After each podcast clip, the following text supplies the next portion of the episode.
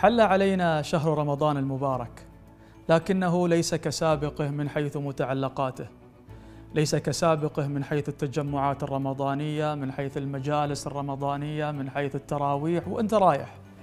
لكن يا جماعة شهر رمضان يبقى هو شهر رمضان بالنسبة إلينا ديانة. هو شهر الخيرات هو شهر البركات هو شهر القرآن. هذه فرصة التحديات فرصة للناجحين. لا نترك ما نقوم به من إجراءات احترازية تشغلنا عن تحقيق أهدافنا في هذا الشهر. علينا أن نعمل متفائلين مؤمنين بربنا سبحانه وتعالى. على المرء أن يسعى ويبذل جهده ويقضي إله الخلق ما كان قاضيا.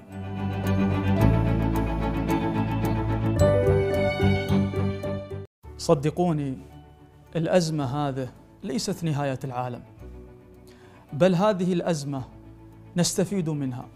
فيها الدروس فيها العبر. أزمة تجعلنا نعود من جديد. تجعلنا نهتم أيضا بالنعم اللي فينا والنعم اللي حوالينا. تعلمنا التواضع. إني أنا أحافظ على النعمة شخص أكون متواضع أيضا مع النعم والظروف اللي الله سبحانه وتعالى أعطاني إياها. نعمة العمل نعمة الصحة نعمة البيت والاستقرار في البيت الخلاصة.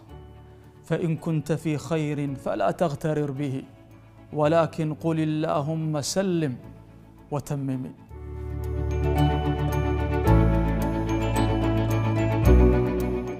نبقى في بيوتنا ملتزمين متبعين.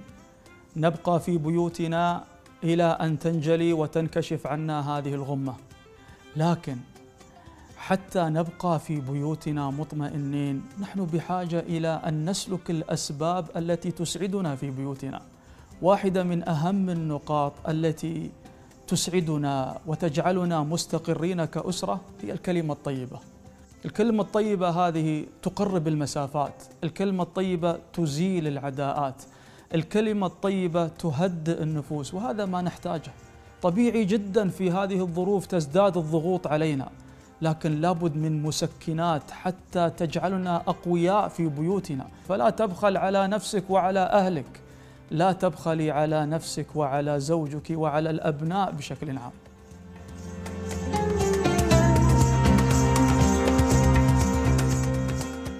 كثيرا ما نتحدث عن تربية الأبناء كثيرا ما يتحدث المتخصصون عن نفسية الأبناء وكيف نتعامل مع الأبناء في ظل هذه الظروف وفي ظل التحديات إلى آخره.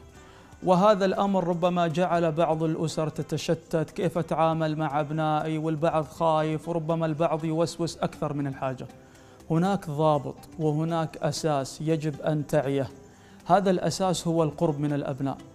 القرب من الأبناء يشمل القرب الجسدي يعني يشوفوني وأشوفهم في البيت ويشمل الأهم القرب المعنوي. معناه أني أنا أزيل الحواجز اللي بيني وبين أبنائي بحيث أن الابن يصل مرحلة يقدر يصارحني يقدر يحاورني. هذا القرب المعنوي بيخلي عيالك قراب منك وبيخليك أنت قريب منهم تعرف شو يدور حواليهم. فكن قريبا من أبنائك دائما.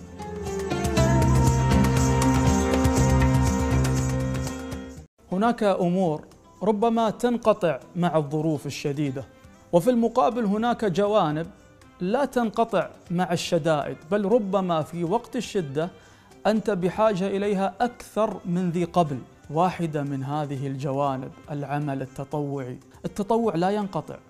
التطوع يزداد جمالا عند الحاجة إليه. فيه الأجر. من الله سبحانه وتعالى كاعتقاد ديانة أننا نؤمن بثبوت الأجر عند العمل التطوعي. الأمر الثاني العمل التطوعي فيه أيضا مد يد العون للآخرين. فيه التعويد على العمل الجماعي، أيضا أن أنا أكون قريبا من الآخرين. العمل التطوعي فيه المقابلة إذا أسعدت أسعدت وإذا قدمت يقدم إليك. العمل التطوعي اختصارا يميزنا في دولة الإمارات العربية المتحدة.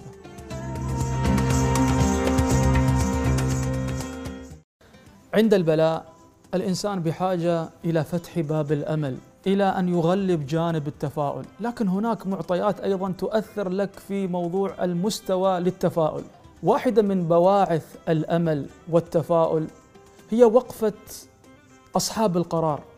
ما رأيناه في هذا المجتمع، ما رأيناه من القرب قرب القادة لأفراد المجتمع، لا تشيلون هم، كلمات تشجيعية، كلمات إيجابية، حرصهم على السؤال حرصهم على التواجد. لا شك أن باعث من بواعث الأمل. وقفة المجتمع تكاتف المجتمع التزام المجتمع باعث من بواعث الأمل. لا يسعنا إلا أن أقول إلا أن نقول شكرا قادة الإمارات. شكرا مجتمع دولة الإمارات. بهذا التعاون وبهذا الوعي بعد توفيق الله بإذن الله ستكشف هذه الغمة.